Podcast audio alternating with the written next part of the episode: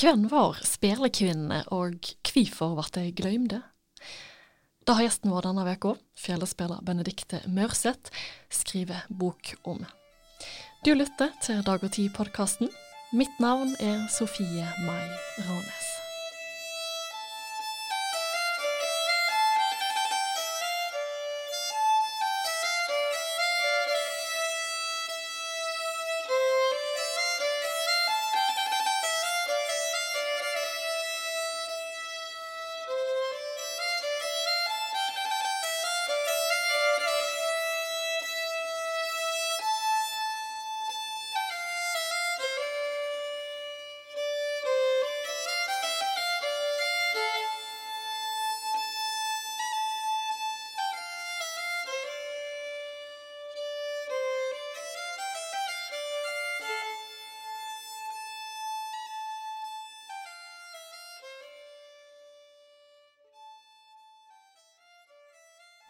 Velkommen, Benedikte Maurseth. Tusen takk. Du er folkemusiker, komponist og forfatter, og har nylig gitt ut ei bok om kvinnelige felespillere. 'Søsterspill' heter den boka. Og du har òg sett sammen ei plate med musikk spilt av kvinner, som et slags motsvar eller et spark til samleplata 'Meisterspill', som kom ut i 1997, og der de 23 slåttespillene alle er framførte av menn. Og du som lytter, du skal få høre noen utdrag fra både boka og plata i denne episoden. Og du har allerede hørt en liten snutt. Det var Prilla-Guri, spilt av Mari Eggen.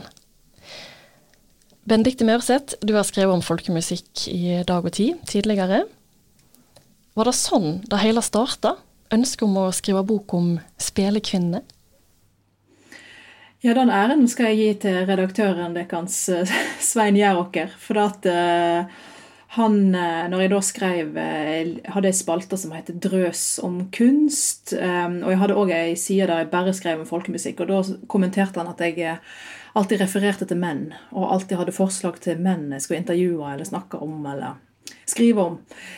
så det var egentlig sånn han satte meg på det sporet altså, For jeg svarte jo kanskje litt vel eplekjekt at, eh, at ja, ja, hvem andre skal jeg skrive om da enn Ambjørg Lien? Uh, og, og, kanskje to-tre jeg kom på som var født på begynnelsen av 1900-tallet, men hva med tida før da? Altså da Det var ganske blankt for meg. Og ja, så han satte i gang egentlig mange spørsmål som har ført til denne boka. Hvor vanskelig var det å finne informasjon om spillekvinnene tilbake i tid? Nei, Det er jo liksom noe av grunnen til at dette prosjektet har tatt mange år å holde på med. Um, ja, Når begynte, vel... begynte du? Ja, Når stilte Sven Gjerrak, det spørsmålet? Nei, jeg tror, vi, jeg tror vi er liksom tilbake i altså det er sånn, um, Jeg var akkurat ferdig å skrive forrige bok, uh, 'Å være ingenting', som var òg om folkemusikk, samtalebok med min lærer over mange år, Knut Hamre. Og så eh, hadde jeg akkurat glemt hvor mye arbeid det var med den, og så tenkte jeg ja, nå kan jeg gå i gang med neste prosjekt. Eh, en måned etterpå, kanskje. Eh, og da Ja, jeg er helt Uff, ikke si det. Nei, nå sa jeg det sjøl. Tok bare en måned. helt. Det er bra da at jeg glemmer hvor mye arbeid det er, for ellers hadde jeg aldri satt i gang noe nytt. Men iallfall så Eh, nå glemte jeg hele spørsmålet. spørsmålet var hvor, hvor, vanskelig det var å finne informasjon. Ja, ja. Det var som sagt En av grunnene til at det tok lang tid, det var jo fordi det var veldig prisgitt eh, lokal kunnskap. Eh, så folk hadde folkemusikere og lokalhistorikere, og hva innsikt de hadde i, i lokallitteratur. For det, dette er et tema som ikke har blitt samla i bokform på denne måten før. Og ikke en sånn samla historie eh, som går utover Nordvestlandet, men som prøver å gi driss over hele Norge, sånn noenlunde. Om det er enkelte områder som absolutt må granskes mer.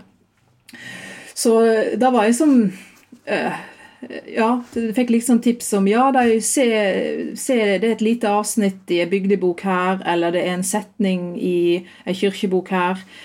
Eh, og det var liksom et historielag som hadde skrevet en artikkel en eller annen gang på 70-tallet. Altså, det var noen, altså det er på det nivået der. Så det var veldig, veldig mye letearbeid og, og lite som er skrevet i det hele tatt. Altså det er det er, det er, ganske blankt òg eh, når du leter i folkemusikklitteraturen. Det var jo noe av det som var så oppsiktsvekkende, at når jeg først bestemte meg for å lete, så gikk jeg jo selvfølgelig først til, til sentrale verk innenfor folkemusikken. og, og, og verk som, som, blir referert til hele tida fortsatt, og blir lest hele tida, som er veldig viktige. Eh, men eh, der fraværet Altså historier om, historier om spillekvinner var omtrent ikke-eksisterende.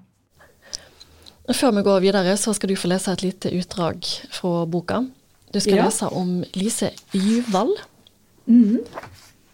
Hvis du vil si et par ord om teksten før du leser, så er du velkommen til det. selvfølgelig. Det kan jeg gjøre. Jeg, eh, det ble nå et, et, eh, gjennomgående grep, kan du si, i boken at jeg skrev uh, ganske mange skjønnlitterære tekster, ganske kort, uh, små scener, som jeg kaller de da. Der jeg har eh, basert alle tekstene på eh, kilder som jeg har funnet om de, og så maler jeg et litt større bilde ut ifra det. Og Lise Gyvald eh, hun var fra Håndalen i Nordfjord, eller Hornindal, som det heter egentlig. Hun var født i 1791, og hun døde i 1873. Og her skal du få høre da et, en scene fra hennes liv. Hesten knegger og kaster på manken. Fluger og andre insekt bit og stikk, der han stig sakte nedover tverrfjellet fra garden Djupvoll i markene mot kyrkjestaden i Strin. Den brå rørsla gjør at ungen hun ser til, som nå henger framfor bringa til Lise, vakner så smått. Hun hører noe små æ og mm og klynk, men så er det stille att og bare hesten sine hover som slår mot steinene kan høyrast. Og hun reiva barnet godt før hun rei av gårde, og sveipa ungen inn i flere lag mjuke klær, slik at hun ikke skulle bli for urolig eller kald.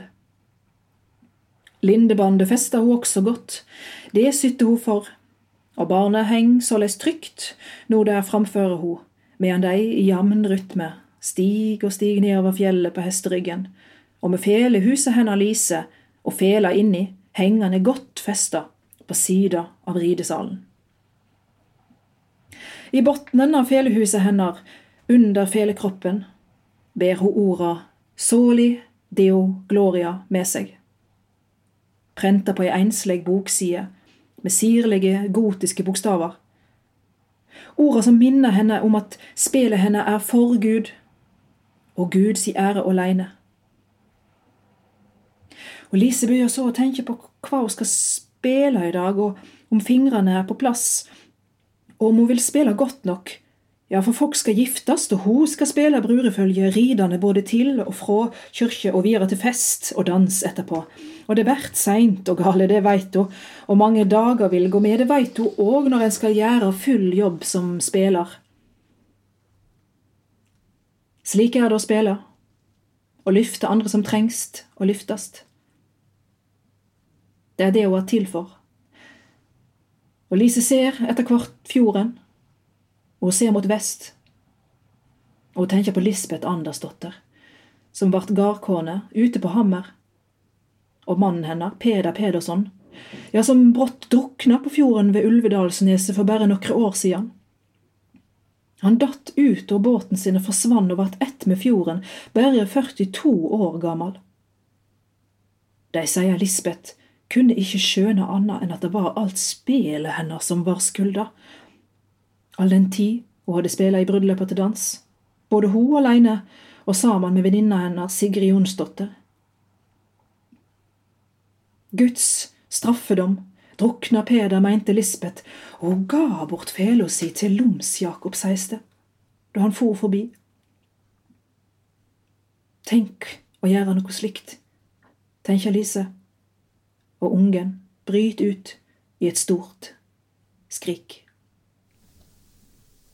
Tusen takk. Du sa jo at du hadde skrevet disse her korte tekstene, eh, slags prosatekster, i løpet av altså i hele boka, da. I tillegg vil jeg bare òg si at eh, du har lengre tekster som diskuterer da tilhøvet for spillekvinnene. Ja, da glemte jeg å legge til at det er jo innleiinger. Dette er, er, scener som fungerer som innledninger til den, det temaet som kommer etterpå, som er mer altså som er ren sakprosa. Sant. Ofte så avslutter du med flere spørsmål enn svar, så du legger jo virkelig grunnlaget for, for mer arbeid eh, om dette her temaet. Men eh, hvis vi går tilbake til Lise Gyvald, som du nettopp las tekst om nå. Hva kan hun fortelle oss om tilhøvet for spillekvinner på 1700-1800-tallet? Ja, hun, eh, hun, forteller oss om eh, at for det første at felespilleren var enormt viktig for oss. Eh, felespilleren var en helt avgjørende del av livene våre. Som vi måtte ha til stede, til liks en prest eller kjømeister når vi skulle giftes. Og felespilleren var i, tillegg òg helt sentral del av alle andre typer fester, vetsler og, og eh, seremonielle møter. Om det var likvake eller Mikkelsmesser, eh, om det var en militærøvelse eller en auksjon eller en dans en tilfeldig kveld. Eh, altså, felespilleren var der. Og, og da å spille i bruddløp, da var jo selvsagt um, kanskje den mest gjeveste eh, og den oppgaven som betalte best. Eh, så den scenen her om, om Lise Gyvald eh, det er ikke så fryktelig mye som er dikting, egentlig. Altså, det er fortalt helt konkret at hun eh, rei av gårde eh, med unge og for av gårde flere dager på bryllupsspilling. Og Det forteller jo at hun hadde en voldsom selvstendighet som en kanskje er overraskende for mange i dag. Sant? Hun rir av gårde som kvinne og tar med seg barn og blir vekke i flere dager. Og, og, og, hun tjener da som en uh, kunstner, som en veldig sentral kunstner. En feilspiller da eller nå er ingen hemmelig person i en krok. Det er en sentral posisjon å ha. Så hun forteller rett og slett eh, om en selvstendighet som er tydelig helt eh, både sosialt akseptert og etterspurt. Og at hun hadde en posisjon som kunstner som, som eh, er likestilt med spelemenn.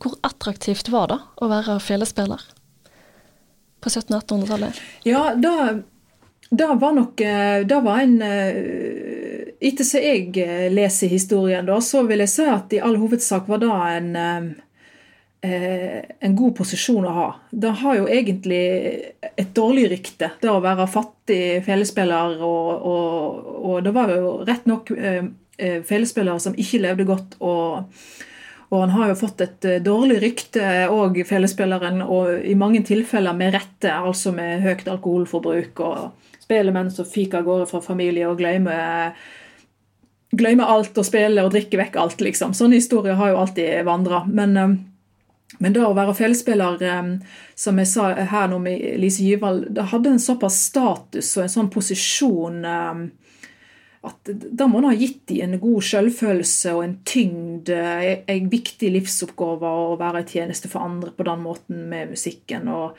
og i tillegg så må det ha gitt dem inntekter som var av betydning. Altså det det står interessant nok ingenting konkret om hva spillekvinnene har tjent. Du kan finne eksempler på menn i samme periode der det står veldig tydelig at å ja, i det bryllupet der tjente han 30 daler på en bryllupshelg. og osv. Men da finner du ikke om kvinnene. Sto de like sterkt som de mannlige spillerne? Oh, sant? Hvis, ja, mm. det er jo da et av spørsmålene jeg har stilt meg, selvsagt. For at hvis de sto like sterkt eh, som de økonomisk eh, eller rent praktisk i form av at de fikk betaling med mat eller andre typer tjenester, så er jo det utrolig moderne i så fall. Altså, ikke engang i dag har vi lik lønn for likt arbeid i alle yrker. Så hvis det stemmer, så, så, er jo det helt utrolig. Men der gjenstår det et forskningsarbeid, egentlig. For at tingbøkene som beskriver økonomi og sånne ting, har ikke, har ikke, blitt skikkelig undersøkt når det kommer til Vestlandet. Eh, det er det mye som ikke er digitalisert ennå. Så der det, gjenstår det egentlig et, et, stort arbeid for den som har mulighet og tilgang på det.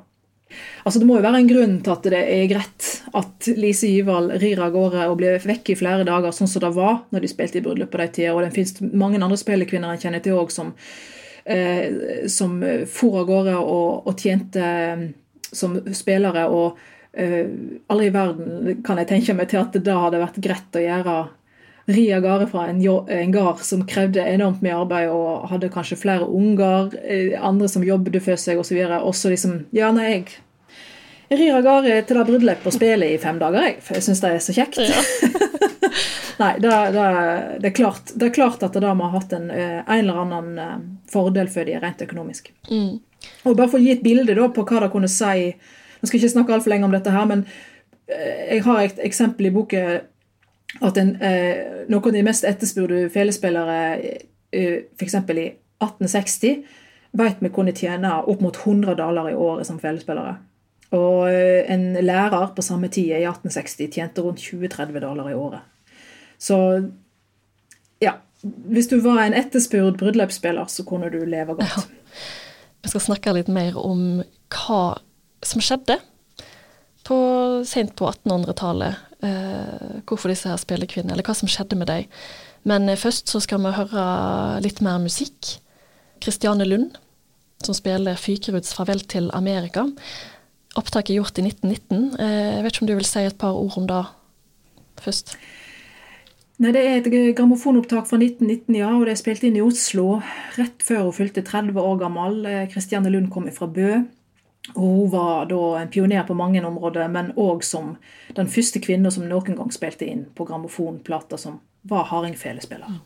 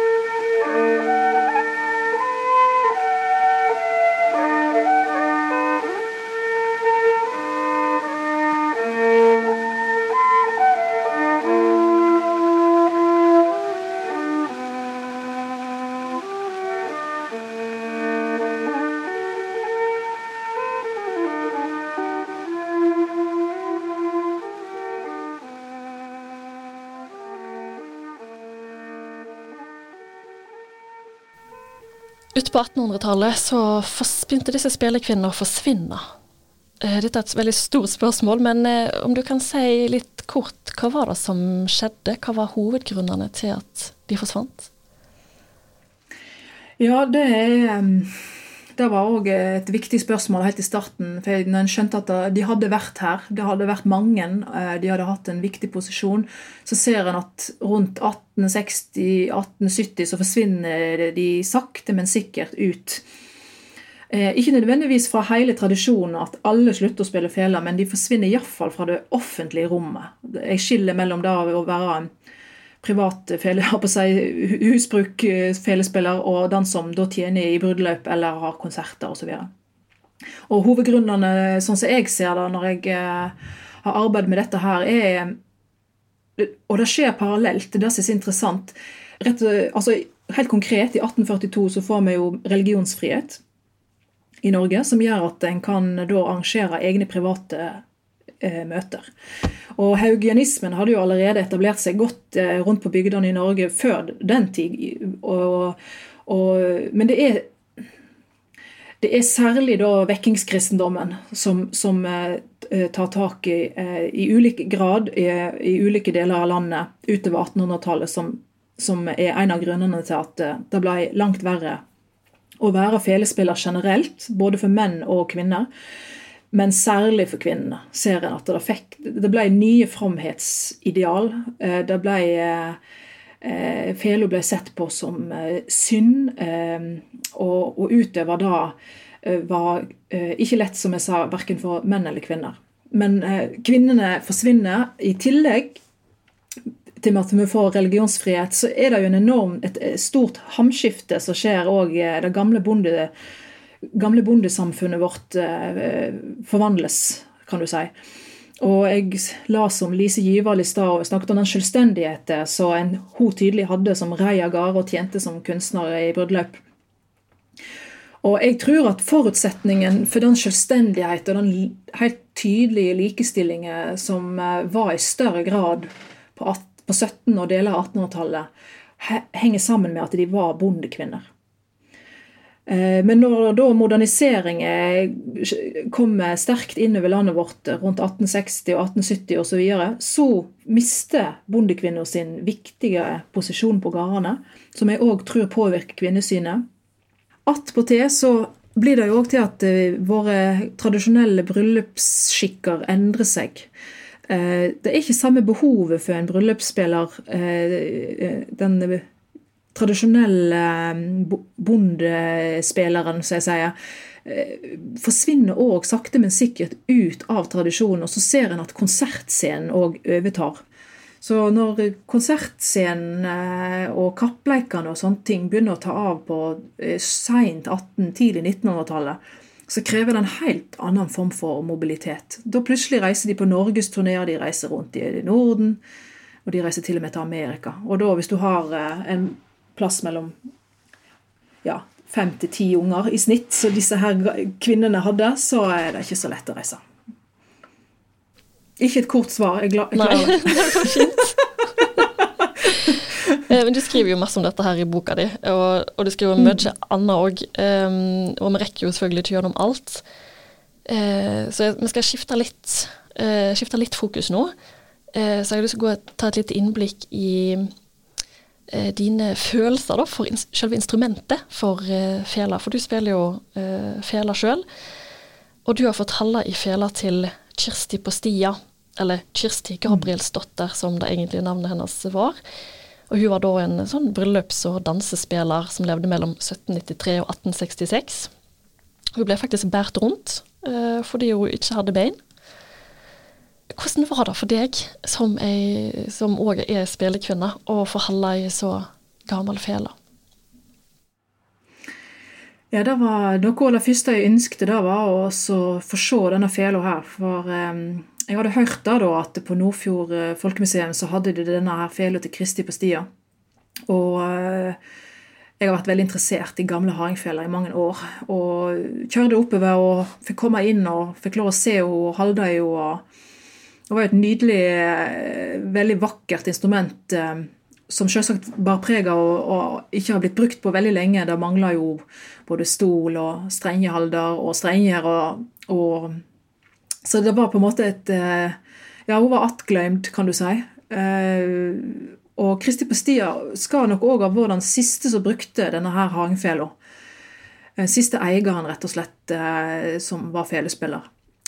Men det var jo ekstra spesielt at det var ei spelekvinne. At det er rett og slett det eldste instrumentet en veit om at ei spelekvinne eh, har brukt og eid. Og, og selvsagt òg at det, det, var så spesiell historie knytta til henne, som du sa. Hun hadde rett og slett ikke bein å gå med. Og de tok seg da rett og slett bryet med å bære henne i ei bærekorg eller i en bærestol når de hadde behov for å høre henne spille. Så det, jeg ser liksom før meg henne i ei sånn korg med det felehuset oppi og, og et veldig vakkert instrument. Nydelig lakk på det og nydelig dekor på fingerbrettet. Så jeg har lurt på hvordan i verden hun fikk råd til å hvordan hun skaffa seg penger til å kjøpe seg det instrumentet. Igjen tjente hun penger, tjente hun gode penger på det når hun underholdt og sånt. Det, ja, De spørsmålene kommer nok til å stå åpne for ja. alltid. Er det ikke litt trist at et så flott instrument bare blir liggende og ikke spilt på? Ja, da jeg syns i mange sånne tilfeller, og, men her var det såpass eh, skjørt eh, blitt at jeg tror hun ikke hadde tålt å blitt strengere opp igjen, altså. Men, eh, Men det er mange, og de gikk rett og slett ut av moten òg, disse her instrumentene. Det er litt rart å tenke på, men dette var en type hardingfele. Altså. Han var vel bygd i 1774, hvis ikke jeg tar feil. Eh, I Nordfjord. Aksel Almenning heter felemakeren. Og han signerte faktisk denne fela til dattera si. Det syns jeg òg var ganske nydelig.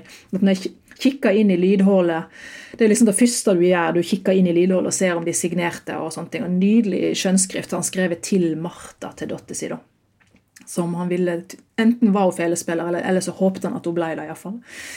Men disse felene de gikk ut av moten. Det er eldre felemodeller eh, som var kjempepopulære på 1600- og 1700- og tidlig 1800-tallet. Og så syns vi da de holdt på med klassisk musikk, alltid er noe å strekke seg etter. Så når klassiske fioliner endrer form, så endrer vi òg hardingfelene. Spilte Kristiane eh, Lund i det opptaket som vi hørte, spilte hun på ei sånn hardingfele? Vet du det? Nei, hun, hun hadde da hardingfeller av den eh, hva skal jeg si, mer moderne typen. Da. En modell som, som etablerte seg eh, utover 1800-tallet, og som fortsatt er der førende i dag. Eh, når jeg leser boka di, så skriver du ofte at det var en fin halling, det var en flott slott. Mm. Og så ble jeg litt nysgjerrig på Jeg har aldri egentlig tenkt på hva er en halling, og hva er en slott? Er det ja, Hva kjennetegner de ulike ja. typene folkemusikk? En slott eh, da, Ordet slott òg varierer jo alt hva dialekten har rundt om i landet, og sånt, men slott er jo samlebetegnelsen på alle de forskjellige variantene som halling, ganger, springer. Vi sier jo òg lyer, slott, eh, bruremarsj osv. Så, videre. så alt det der er slåtter. Og så er det jo da de ulike rytmene som, eh, som forteller om det er en ganger eller en springer. Uh, og så er det da selvfølgelig knyttet dansen. At det da ble dansa ganger når en spilte ganger, og det ble dansa springer når en spilte springer. Men da passer det iallfall fint å høre en slått nå. Uh, Huldre slått fra Vang. Og den er da Sarah Jane Summers som spiller.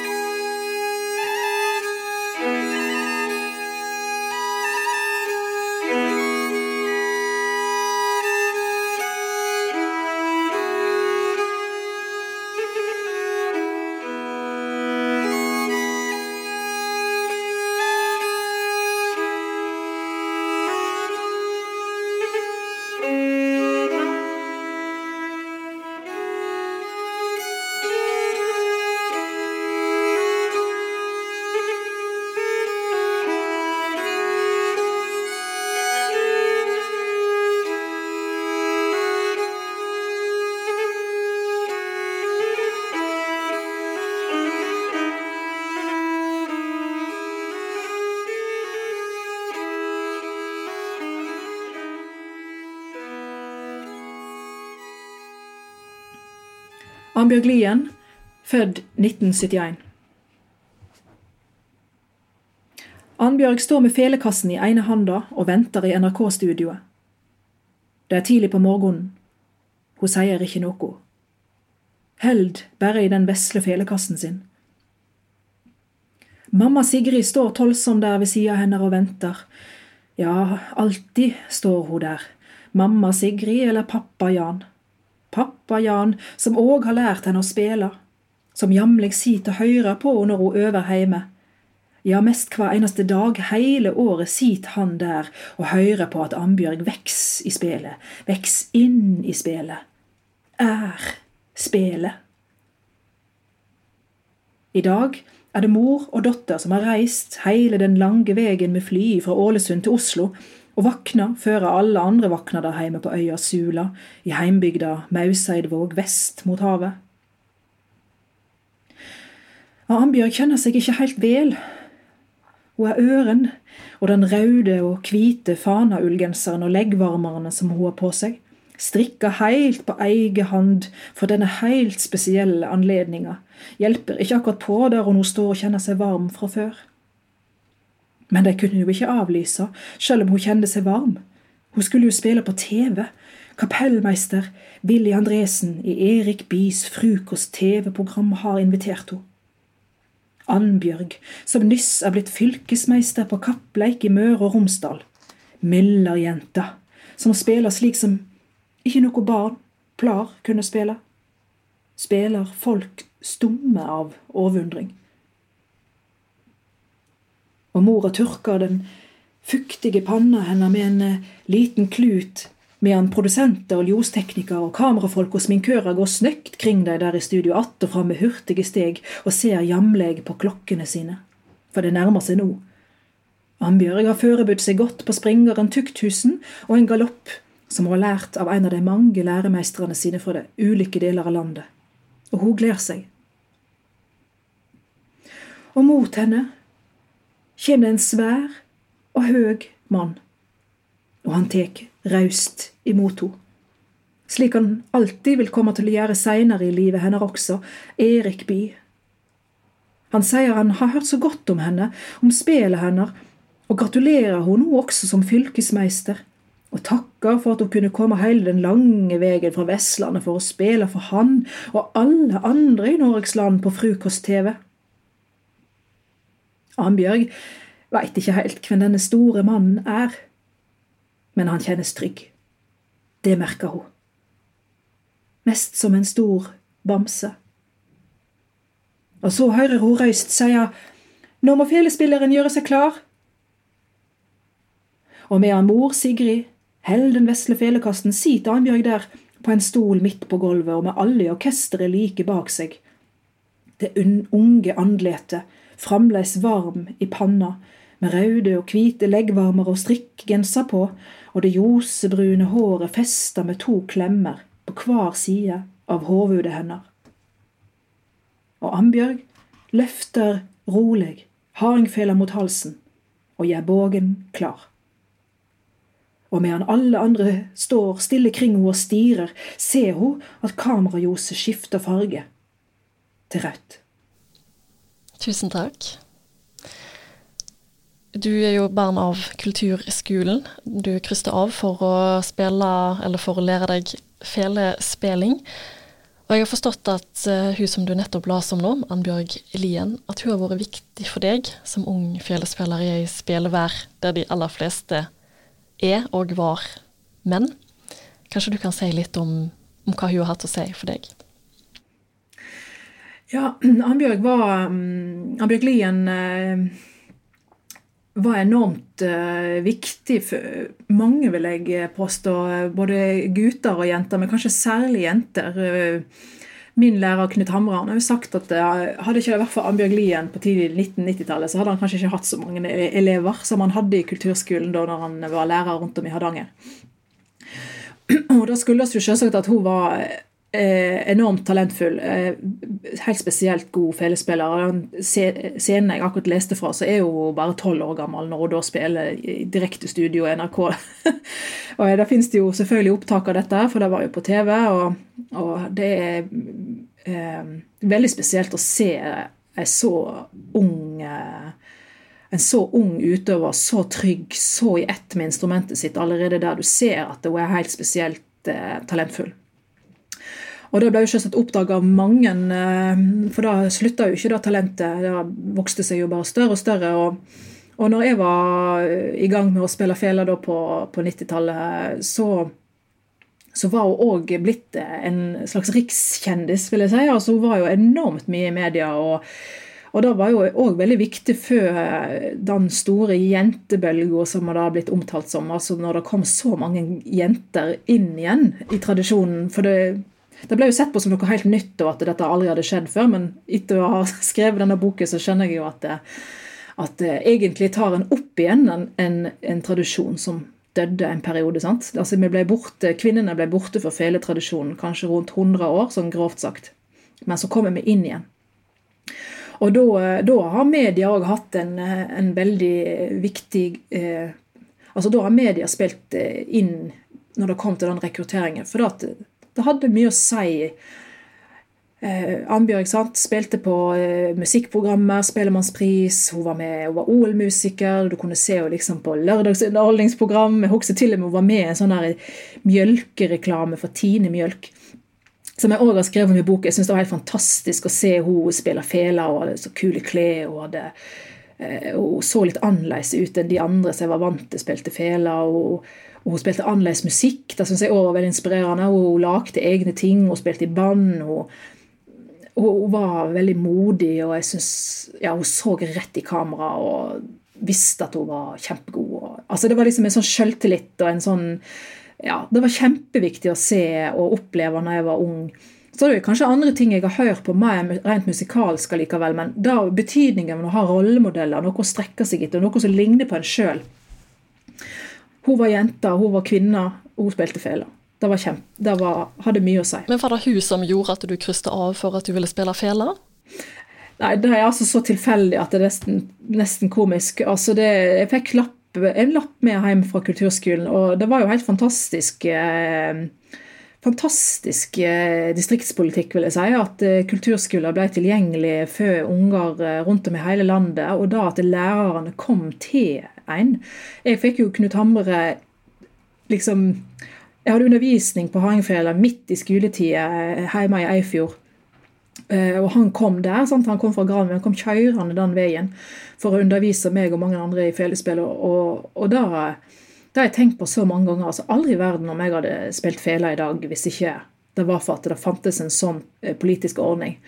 Så det gjorde terskelen veldig lav for å melde seg på. Så det var helt tilfeldig. Jeg visste ingenting om felespillet, jeg visste ingenting om Knut Hamre. Jeg, visste, jeg hadde en familie som ikke brydde seg om folkemusikk. Jeg var helt, altså det er helt sånn der eh, Ja da, dette ble livet. det var ikke en tilfeldighet, da. Må vi jo, må vi jo ja, ja, ja. Og flaks. Masse mm. flaks. Mm. Jeg ble eh, rett og slett litt rørt jeg, av en av de siste tekstene som, eh, som, du hadde, eller som du har skrevet i boka, som heter da hashtag metoo. Benedicte Maurseth, født 1983. Mm. Og mm, ja, som lytteren sikkert skjønner, så handler det jo om metoo. Eh, så jeg lurte litt på om du i samband med denne teksten her da kunne si litt om hvordan du sjøl har opplevd å være spillekvinne. Hvordan har du blitt mottatt? Ja, det der å komme inn igjen i en tradisjon det prøver jeg også å si litt om, eh, både ut ifra egne erfaringer da, gjennom den teksten, eh, men òg mer sånn generelt. For at, eh, I og med at kvinnene forsvant så lenge ut av tradisjonen, altså av feletradisjonen, vel å merke, så fikk jo på en måte mennene styre diskursen i fred veldig lenge. Diskursen for hva som er godt spill og rett spill, og hva som gjør en meister til en meister, hvordan en spelemann på en måte skal være, i hermetegn, og ikke. Um, det er masse sånne Det er masse føringer. Uh, usagte føringer uh, som, uh, som, følger med da å være en, en spelmann.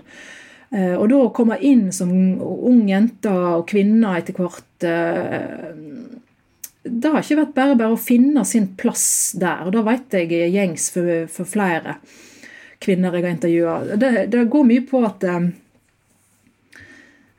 ja, Én ting er sånn uh, opplevelser uh, uh, som går direkte på gjerne trakassering eller et, Jeg beskriver jo i den metoo-teksten der at jeg sitter på et hotellrom, det er buskspill, som det heter, der mange felespillere sitter samla, og fela går rundt. Og Det er på en måte to ting som skjer der. Det, er, det, ene er at jeg eh, opplever at en veldig full mann stapper hånden sin ned i brystet mitt og, og prøver å, å, å, ta seg godt til rette men eh, som jeg fører hånden vekk. Og opplever at ingen andre sier noe eller griper inn eller er interessert i å forsvare meg. Da, og jeg fører den stille vekk og syns det er veldig eh, pinlig. Jeg er 17-18 år når jeg sitter på det hotellrommet og har bare lyst til å høre godt felespill. Det andre som skjer, er jo at eh, jeg blir veldig oversett på den måten at de sender fela rundt fra mester til mester og aser hverandre opp og, og heier på hverandre mens de spiller. Mens når jeg da liksom, når det tilsynelatende er min tur til å spille, så går fela rett forbi. Eh, til neste felespiller. Så det er liksom to slags overtramp som skjer. Eh, og, og, jeg har jo snakket med mange spillerkvinner som har opplevd akkurat det samme, og som nikker veldig sånn Kjære venner, dette her er jo som tatt på kornet. Eh, så kan jeg bare si En ting er som sånn sosiale møter, som av og til der grensene dessverre blir bråtne når det kommer til hva som er OK oppførsel og ikke. Og så er det andre typer underlige føringer. Eh, Eh, kjønnsfordommer, rett og slett. Altså en, som kom eh, og spiller inn og da, i forhold til hva en ser på som god musikk og ikke, godt felespill eller ikke. Og, og da, kommer, kommer, vi inn igjen på dette med språkbruken og bevissthet. Hvordan vi snakker og tenker, og hvordan det påvirker opplevelsene vi har av ting. For eksempel så når øh, øh, har, jo, har, jo, det vært mye sånn øh, hva skal jeg si, kjønning av, av musikken på den måten at en kvinner har kanskje fått kommentarer på at 'åh, i dag spilte du som en rettelig kar'. Og da har liksom blitt sett på som et kompliment å få høre at du, du spiller som en kar. Eh, da, det er liksom en standard som er satt. Eller de kan få høre Det skjer veldig sjelden i dag, tror jeg, men de har også opplevd å liksom få høre at du må ikke Ja, ja, det var sånn frøken spiller der, eller det var for jentete, eller det var Altså, du bruker liksom kjønnet til å beskrive en musikk på en negativ måte. Det syns jeg er veldig interessant. Jeg skriver litt om det i boka òg, og viser til eksempler på eh, der du merker særlig eh, utover 80- og 90-tallet, når kvinnene kommer inn igjen i tradisjonen og enkelte begynner å markere seg veldig, så merker du at det, dette er de helt uforberedt på. og i måten de omtaler disse utøverne. Og, og, veldig mange opplever å bli veldig seksualiserte. Og, og på en uh, måte så blir de òg litt faglig um, umyndiggjort med å, liksom beskrive gjerne hvordan de ser ut framfor hvordan de spiller osv. Dette er jo heldigvis blitt enormt mye bedre. altså Det er ting som jeg har lest på trykk i Spelemannsbladet på, på 90-tallet som aldri ville kommet på trykk i dag. Så ting har jo blitt bedre. Men for de som var pionerer, eh, Ambjørg Lien, Susanne Lundeng, Håndalstausene og disse her som sto liksom først og fremst der de måtte, oi, oi, tåle, de måtte tåle, en del, har jeg. Ja, ja da har de. De har åpna veien for oss andre. Så gjort det lettere for oss andre etterpå. Men fortsatt så har I boka har jeg intervjua folk som er i 20-årene i dag, som òg har opplevd veldig spesielle ting. Så det, og kommentarer og, og, og få høre liksom at du, du, er for liten og søt og spiller så kraftig, eller litt sånne ting. Altså det, det henger igjen. Så det tar lang tid før kjønnsfordommene forsvinner ut. Skal, dette er veldig interessant, men vi skal begynne å avslutte. Rolla til folkemusikken den har jo endra seg opp gjennom åra. Eh, som det ble nevnt, så var det veldig vanlig å ha en felespiller i et bryllup, f.eks. Eh, ikke, ikke lenger så vanlig. Vil du si, for å ta et siste spørsmål, vil du si at det er for lite dans og spel i livene til folk i dag? Jeg er helt sikker på at det er for lite dans. Eh, nå er det jo fortsatt mye spill og dans eh, som foregår rundt i landet vårt, eh, men det er mye mer hva skal jeg si, blitt en undergrunnskultur for spesielt interesserte. Og, og, ikke sånn som det var før. da Det var Det var nå den musikken folk kjente til og hørte og samles om når de var sosiale og hadde fest. Um, det er jo synd at det har blitt en så, sier, en så sterk undergrunnskultur. Men eh, det er mange ting som har gjort til at det har blitt som det har blitt. og en skal egentlig for jeg, er Først og fremst glad for at det har blitt en sjanger som har blitt så inkludert eh, i samfunnet vårt òg. På den måten at å være felespiller i dag er faktisk mulig å leve av. Og at eh, en kan framføre den musikken på alt fra en kappleik til en jazzscene til en folkemusikklubb eller i et bryllup. Tusen takk, Benedicte Maurseth, for at du var med oss i studio i dag. Sjøl takk. Og selvsagt så avslutter vi med mer musikk. Men før da, som du sikkert vet, så lytter du til Dag og Tid-podkasten. Og hvis du har tilbakemeldinger på den, så kan du sende dem til Sofie, krøllalfadagogtid.no. Gjesten i podkasten denne uka er òg intervjua i Dag og Tid 18.11. og du finner ei lenke til den artikkelen i beskrivinga til denne podkastepisoden. Nå får du høre et utdrag av 'Gløymer dag og stund', spilt av Helga Myhr.